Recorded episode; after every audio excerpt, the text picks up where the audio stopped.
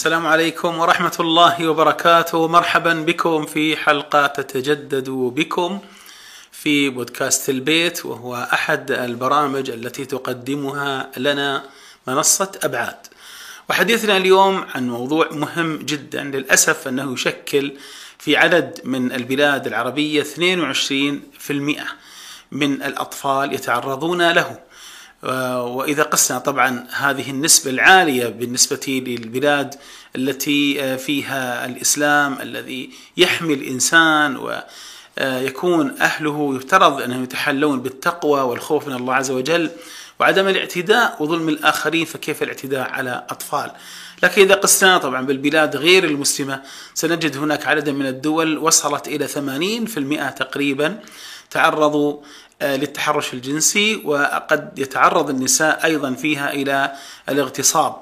وهذا طبعا لا يدعونا أن نتقلل أو من هذا الرقم وأن نقول أن يعني ما دام النسبة الفارقة كبيرة فهذا وضع طبيعي لا هذا وضع غير طبيعي.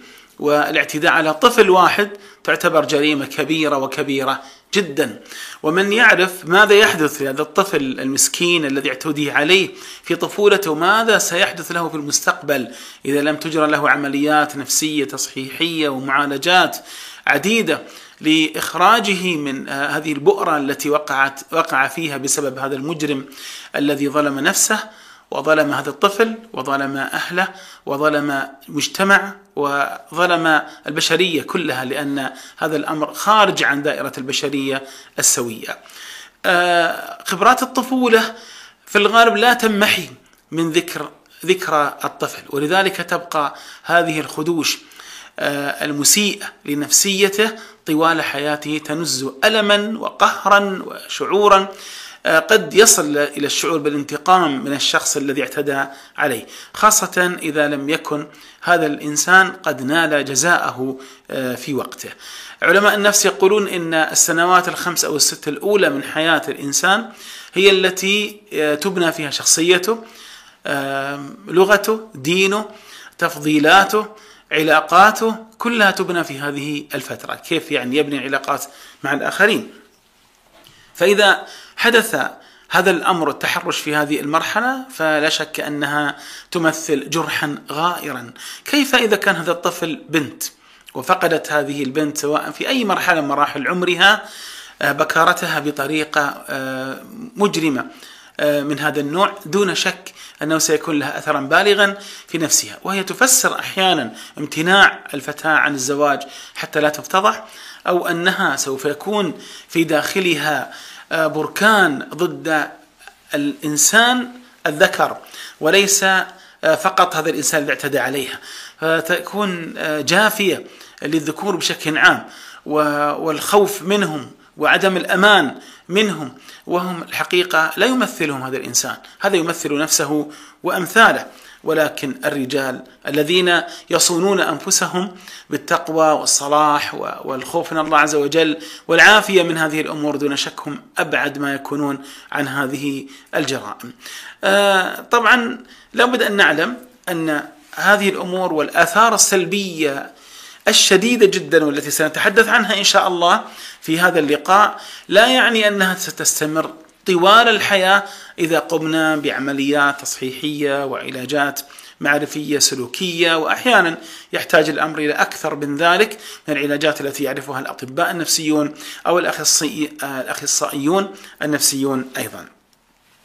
عدد من الأسئلة متوقعة أن تطرح ولا بأس أن نستعرضها بشكل سريع.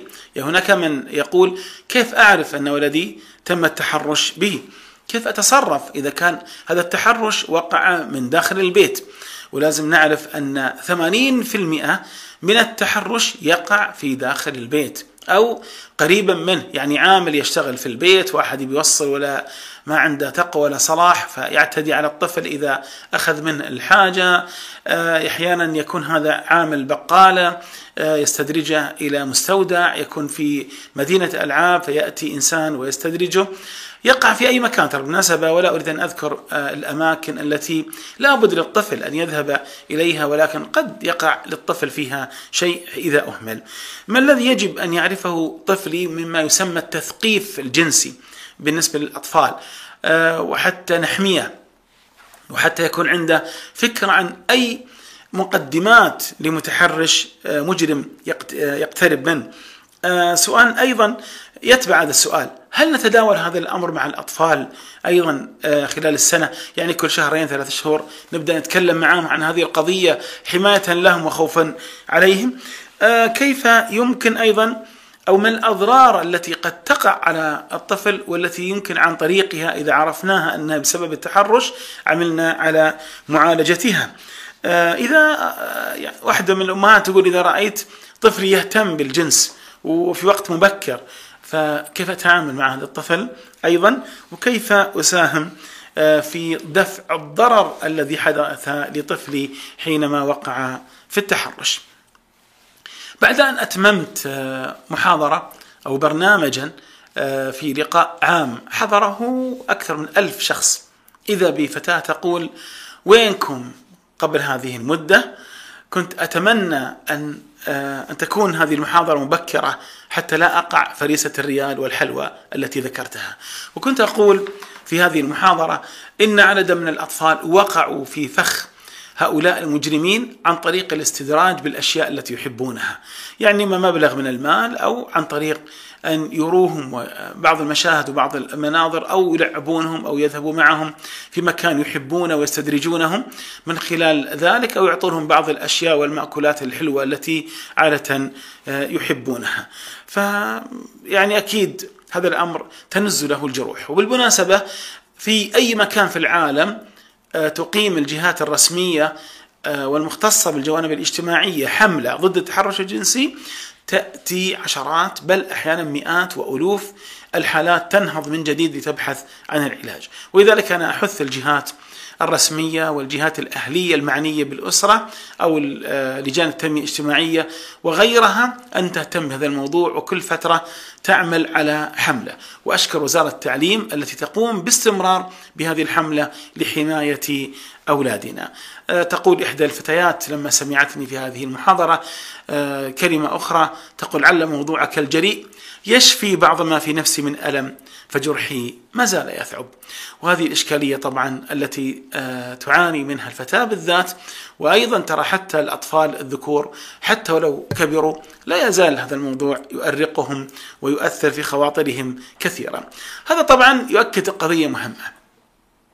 ما هي؟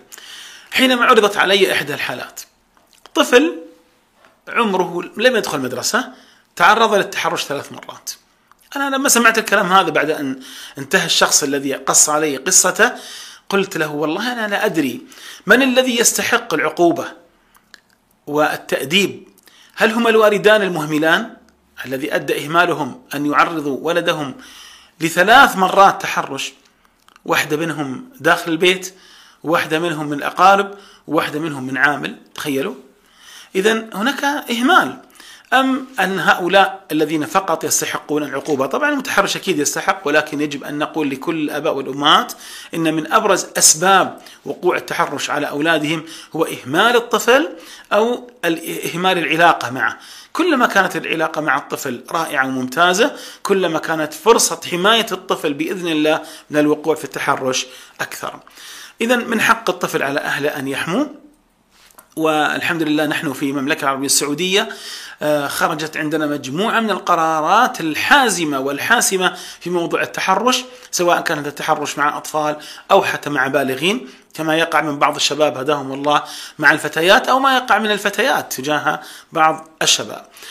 آه، مفهوم الإساءة الجنسية يشمل أشياء كثيرة منها ما يسمى دعارة الأطفال يعني أن آه، يبتز الأطفال يدخلوا جزءا للأسف الشديد من الحياة الجنسية المفتوحة والتي تسمى أفلام الإباحية وغيرها أو إجبار الطفل على مداعبة آه، الكبار البالغين في الأماكن الحساسة أو تعريض الطفل للممارسات الجنسية مع البالغين.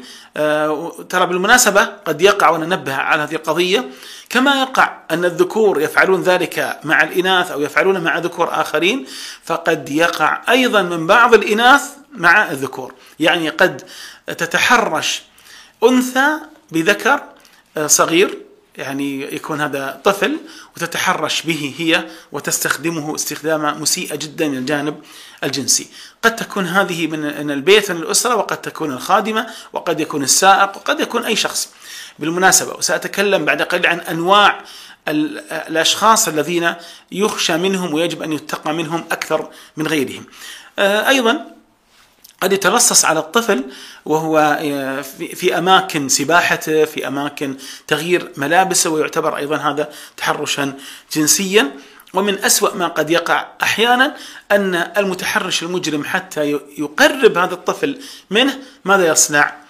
يريه أفلام جنسية حتى يكسر عنده حاجز العيب وحاجز النظر إلى العورات وبعد ذلك يهيئ لما يريد من الفساد.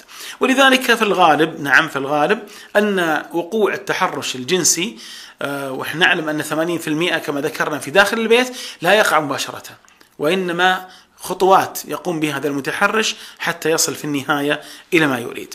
ملامسة ملاطفة كشف الأعضاء التناسلية إزالة الملابس فقط والمشاهدة آه، تعريضا لصور آه، فاضحة ثم ابتزازا. التحرش الجنسي أنواع. قد يكون تحرش استعراضي يعني إغراء. قد يكون تحرش مكاني كأن يكون هذا التحرش في أماكن مهيئة لهذا الأمر. قد تكون تحرشا لفظيا وهو ما يسمع أحيانا في الشوارع أو في المنتزهات من بعض الشباب تجاه البنات أو العكس طبعا. آه، أيضا قد يكون تحرش كلي أو نصفي كما يقال أو جزئي وجزئي أحسن من نصفي. معنى التحرش الكلي أن أن تقع كارثة اللواط أو كارثة آه، السحاق أو كارثة الزنا. واما الجزئي فهو أن لا تقع هذه القضية كاملة فيقع ما قبلها. يعني من أي أمور يمكن أن يشملها يشملها كلمة تحرش. جنسي. وكله طبعا مسيء وكله له آثار سلبية وبالمناسبة قد تكون بعض عمليات التحرش الجنسي الجزئية لا تقل عن آثار التحرش الكلي. آه، أيضا لابد أن نعرف أن عملية التثقيف الجنسي مطلب وأن الهروب منها تماما خطأ.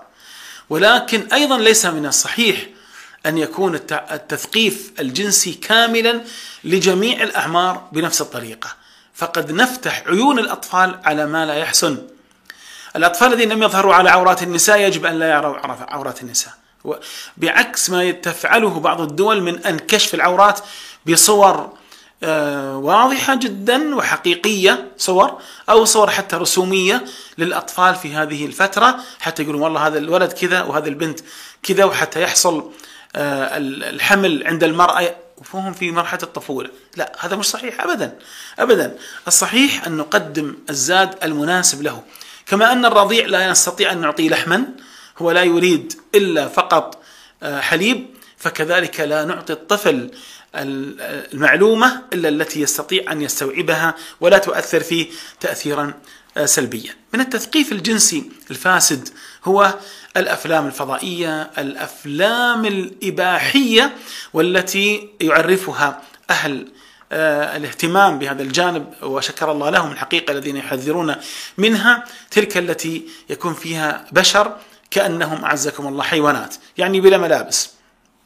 لكني أقول هناك تحرشات جنسية في أفلام يعتبرونها الناس عادية ومثيرة ومسببة للتحرش الجنسي الكامل وخاصة في داخل البيت بين أخ وأخته أو بين غير ذلك من العلاقات آه، يعني خال وابنة أخته وغير ذلك.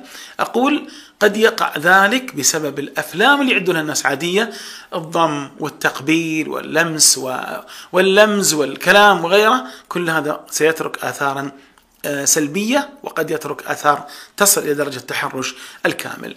التثقيف الجنسي يجب أن يكون من الأهل ويكون أيضا من المؤسسات التعليمية والمؤسسات أيضا الاجتماعية وكذلك عن طريق ما يمكن أن يصل إليه آه، إليه الابن. يعني الأولاد الأطفال يحبون أفلام الكرتون مثلا.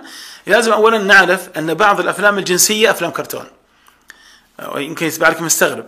ولازم نعرف أن بعض الألعاب فيها آه، ما يسمى جوائز في بعض المراحل. إذا قضاها الطفل هو أن يقضي لحظات جنسية مع شخصية بشخصيات كرتونية التي يمثلها. لكن لابد أن نعرف أن التثقيف الجنسي يجب أن يحمله الأهل بطريقة نظيفة جدا.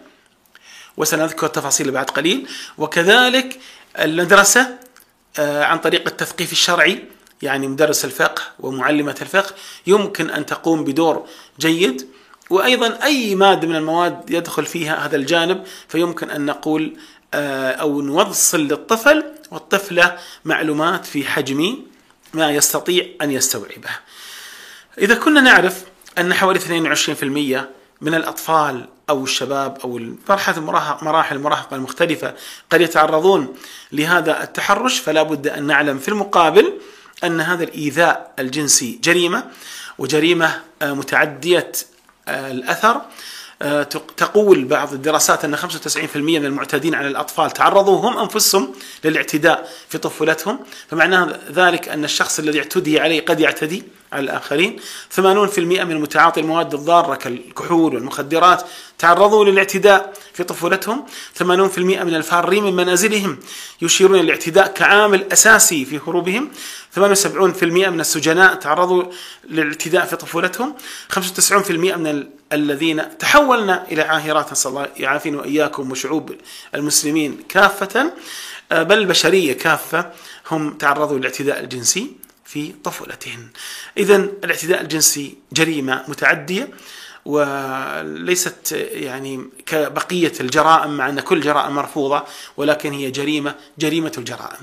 وهي أم الخبائث وهي السر وراء أحيانا دمار البشرية في بعض الدول والتي أصبحت تعاني منها وتعاقب عليها أشد العقوبات، بالمناسبة الدول كلها ترفض التحرش الجنسي، حتى الدول التي تسمح آه، ببعض آه، الأمور المحرمة كالزنا إذا بالتراضي وداخل مراكز محددة ومرخصة، حتى هذه التحرش الجنسي والاعتداء الجنسي آه، اللي هو الاغتصاب تعاقب عليه عقوبات شديدة جدا لأن له آه، آثار طبعا سلبية كبيرة، أما الدول المسلمة التي طبق الإسلام فهي ترفض تماما أي نوع من أنواع ممارسة الجنس خارج دائرة الطهر وهو الزواج فقط.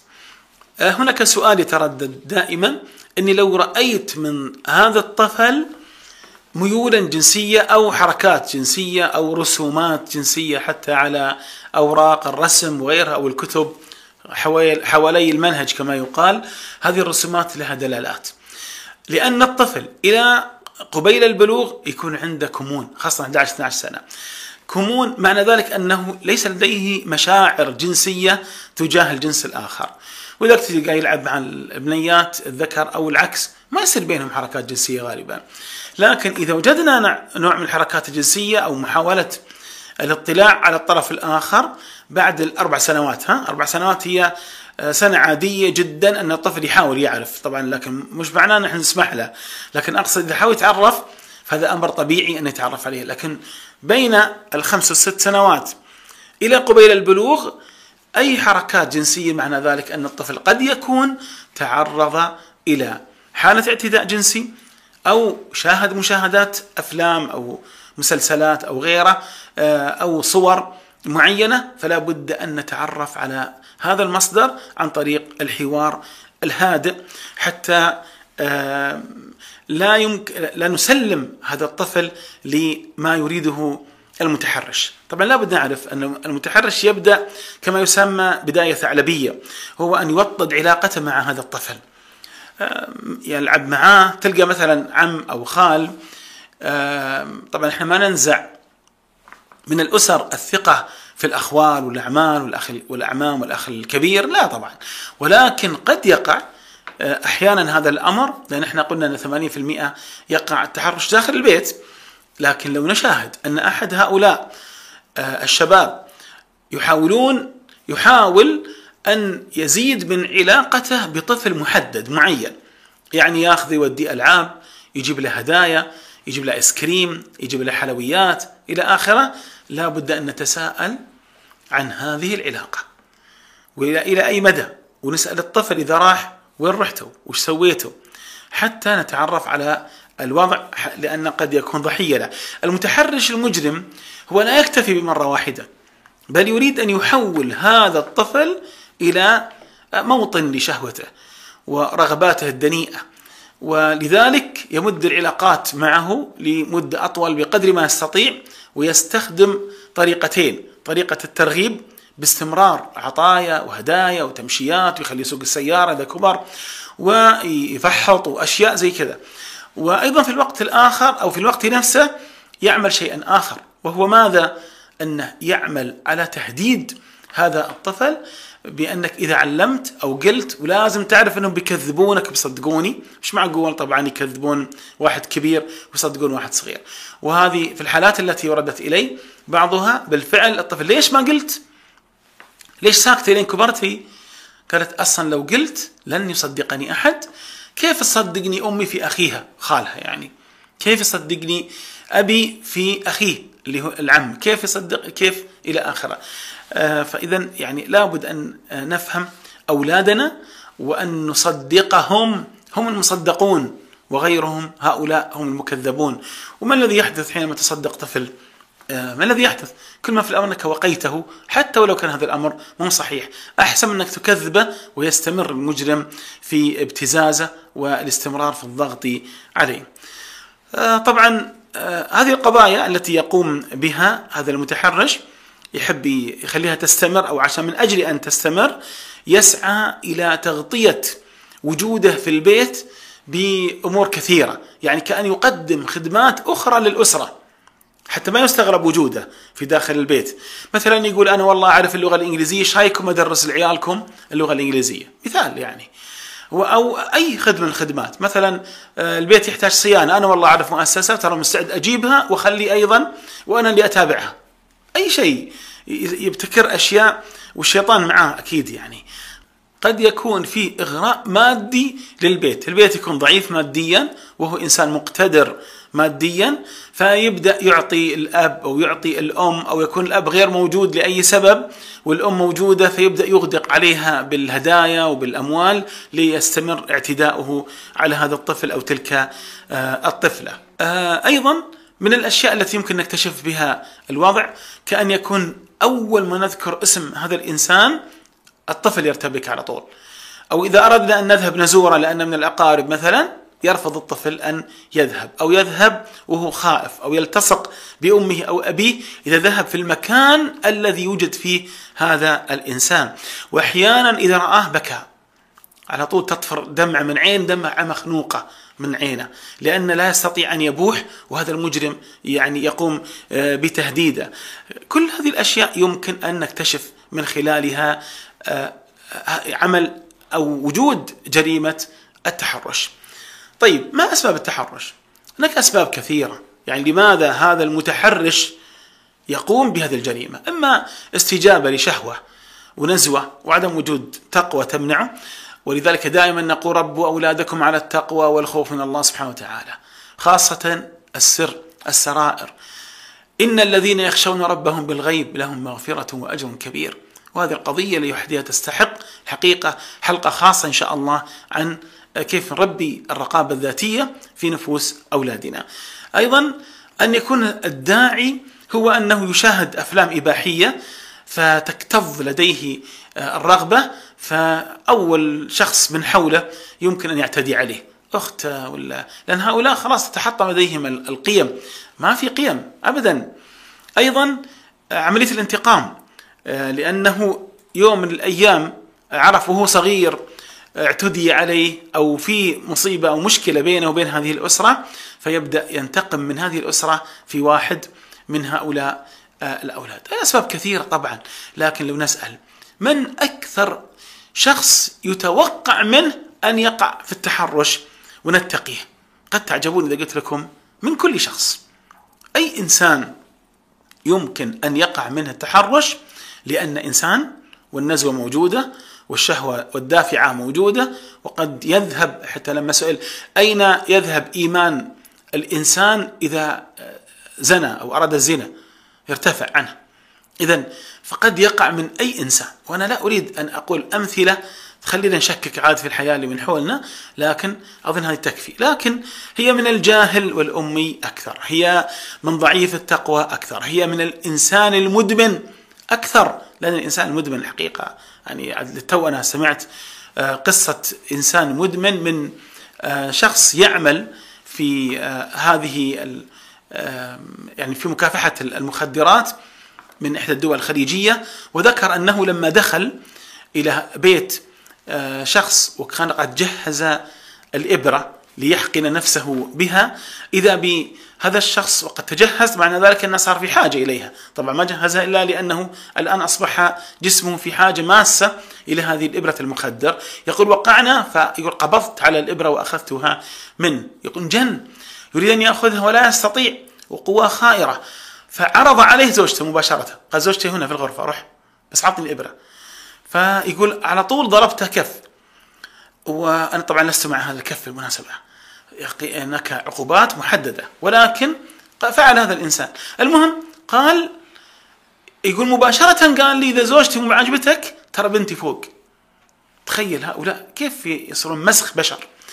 هؤلاء طبعا ما دام يفعلون ذلك يمكن أن يعتدوا على بناتهم يمكن يعتدوا على يعني آه، أي شخص آخر. طبعا لا نقول أن كل مدمن يفعل ذلك لكن تسجل الدراسات ارتفاعا في آه، إقبال أو أو هؤلاء المدمنون ماذا يصنعون وكيف يمكن أن يعتدوا على أقربائهم. بل يعني دراسات تقول واحد في المئة من المعتدين آباء. وهؤلاء الآباء لا يمكن أن يكونوا أسوياء طبعا هم غالبا يكونوا من هؤلاء المدمنين. الموتور يعني الذي يريد أن ينتقم كما ذكرنا وكذلك آه، المبتلى بضعف نفسه أمام المغريات. فقد يكون هذا الطفل جميلا أو آه، يكون هذا الطفل آه، يعني فيه سمات يميل إليها دون أن أذكر يعني هذه السمات. ولكن طبعا حالات يعني مرت بنا فما يستطيع يمتلك نفسه فيقع في هذا المحظور العظيم. وليس هو طبعا كما قال هو ذنب يستغفر من ويتوب وينتهي من فقط هو حتى لو استغفر وتاب الله عز وجل عليه ستبقى آثار جريمته في هذا المسكين آه، ربما طوال حياته. أطراف المشكلة المتحرش والمتحرش به وأسرة المتحرش وأسرة المتحرش به. ولذلك هي تتحول قد تتحول إلى جريمة قد تتحول إلى إلى أيضا قضية رأي عام. كما نرى أحيانا آه، في الهاشتاجات اللي توضع لقضية من هذا النوع. ولا شك أننا آه، الحقيقة يعني أنا كما أني متألم جدا من وقوع ولو جريمة واحدة فأنا سعيد جدا بأن الرأي العام يرفض تماما هذه الجرائم حتى ولو كانت محدودة جدا. يعني حتى لو كان التحرش محدود للغاية بحركة واحدة وظاهرية أيضا ينتفض المجتمع كله من أجل آه، استنكار هذه الحالة. آه، طبعا لا شك أنها تعتبر حالة صحية وصحية بل ممتازة جدا. طيب آه، كيف نعالج أو خلينا نقول أول قبل نعالج كيف نعرف أن الطفل هذا وقع في هذه الإشكالية. اولا أن نجد عنده خوف شديد من الذهاب إلى الطبيب. ليه؟ لأن الطبيب قد يكتشف الحالة الكاملة وهو لا يريد أحد أن يكتشفها. قد نجد أن آه، عنده أحلام مزعجة أو يقضم أظافرة أو يتبول على نفسه في آه، في فراشه. قد نجد رسومات موجودة ضمن رسوماته آه، يرسم هذه القضية خاصة إذا رسم حالة كاملة أيضا. الحالة النفسية الغريبة اللي نستغربها عليه لم يكن كذلك. يعني صار انعزاليا ما كان انعزالي من قبل. صار عدواني ما نعرف انه عدواني. صار يبحث عن الأطفال ويذهب معهم في مكان لوحدهم ويخلعهم ملابسهم ما كان يفعل ذلك من قبل. كثرة التألم في المناطق الحساسة عند الطفل أو رؤية آه، عزكم الله الدم في الملابس الداخلية للطفل. كل هذه الأشياء تشير إلى وجود مشكلة يجب أن نبحث عن هذه المشكلة ونعالجها.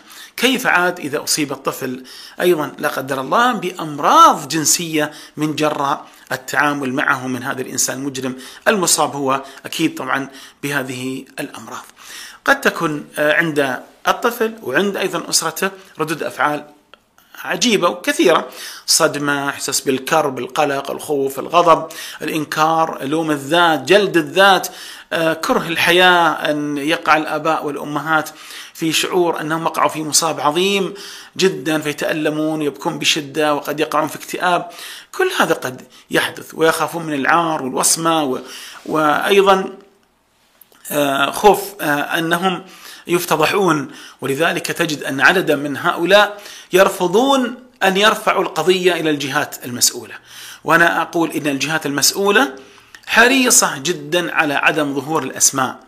ولن يعلم أحد فلا تتردد أن تحمي طفلك وتحمي أطفال الآخرين من هذا الإنسان المجرم. لأن هذا المجرم تعود أصلا يعتدي على هذا وعلى هذا وفي النهاية آه، أهلهم لا يصنعون شيئا من أجل الخوف من الفضيحة فيبقى هؤلاء الأولاد يعانون آه، من الجانب الصحة النفسية والصحة الجسدية والمستقبل كما يقع عند بعض الفتيات أيضا. آه، طبعا هناك مؤشرات كثيرة لا نستطيع أن نقولها كلها في مثل هذا اللقاء اللي وقته محدد.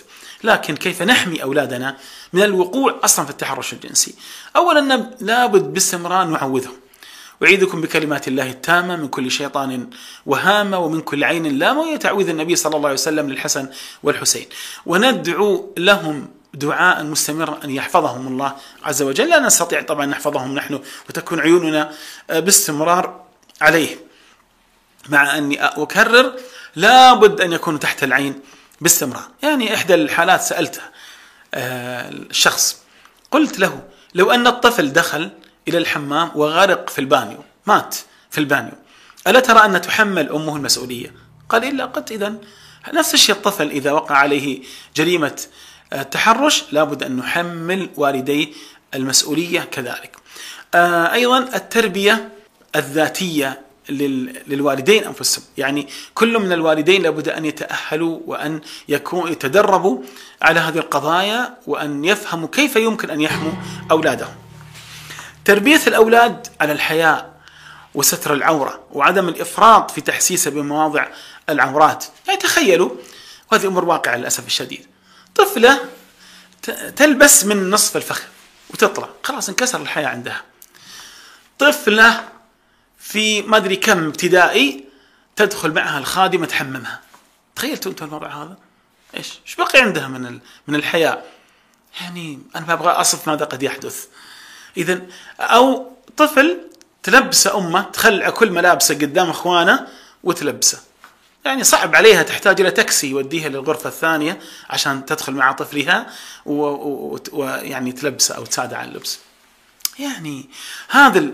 إذا ما ربينا أولادنا على الحياء إحنا جهزناهم لا قدر الله ليكونوا لقمة سائغة لهؤلاء الثعالب. أيضا آه أن ننهاه عن اللعب بأعضائه التناسلية خاصة الذكور بالذات فإنهم يحتاجون إلى هذا التنبيه لأن قد تحتاج تصير عنده عادة.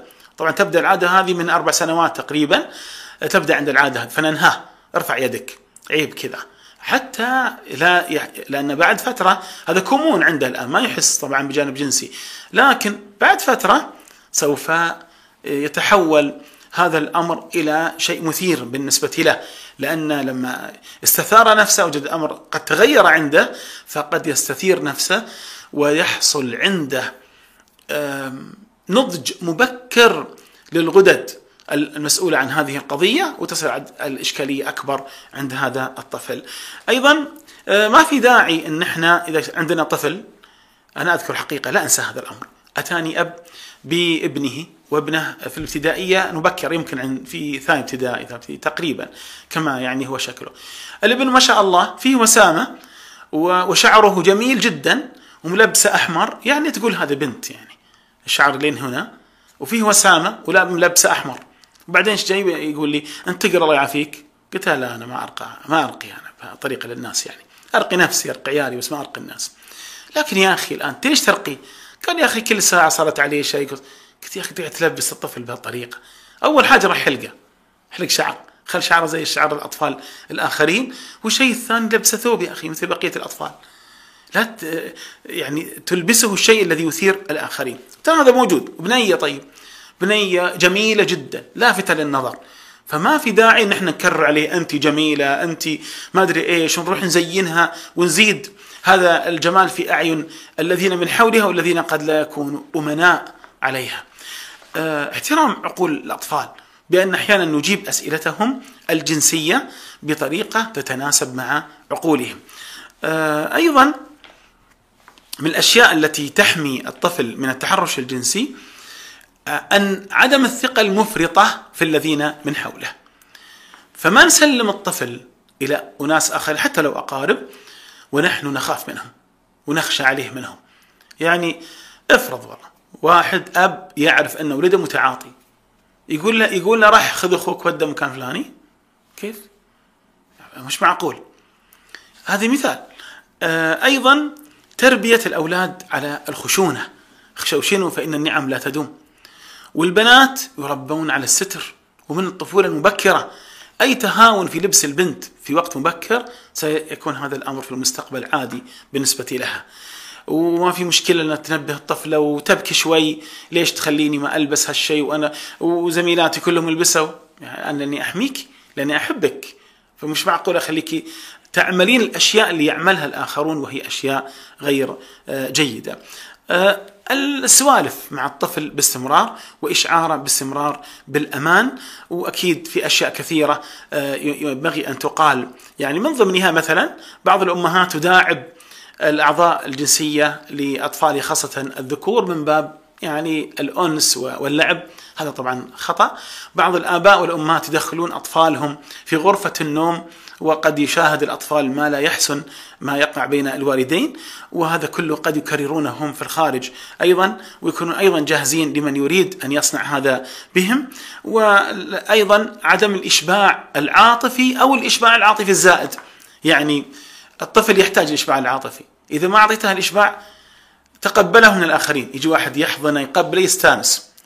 أو أن تغرقه في هذا الإشباع العاطفي بحيث أنه باستمرار احتضان وتقبيل وملامسات وباستمرار. فالطفل إذا فقد هذا الشيء يروح يبحث عنه عند الآخرين. فالتوازن دائما سبحان الله هو الشيء الذي يجعل هذا الأمر أو يجعل حياتنا كلها سوية. لا بد أيضا نعودهم على مكارم الأخلاق والخوف من الله عز وجل وخشيته سبحانه وتعالى. طيب ماذا لو وقع هذا التحرش؟ سأختصر في أمرين. الأمر الأول أن نحتوي الطفل ممنوع ضرب الطفل. للأسف وقعت كم مرة حالات بائسة.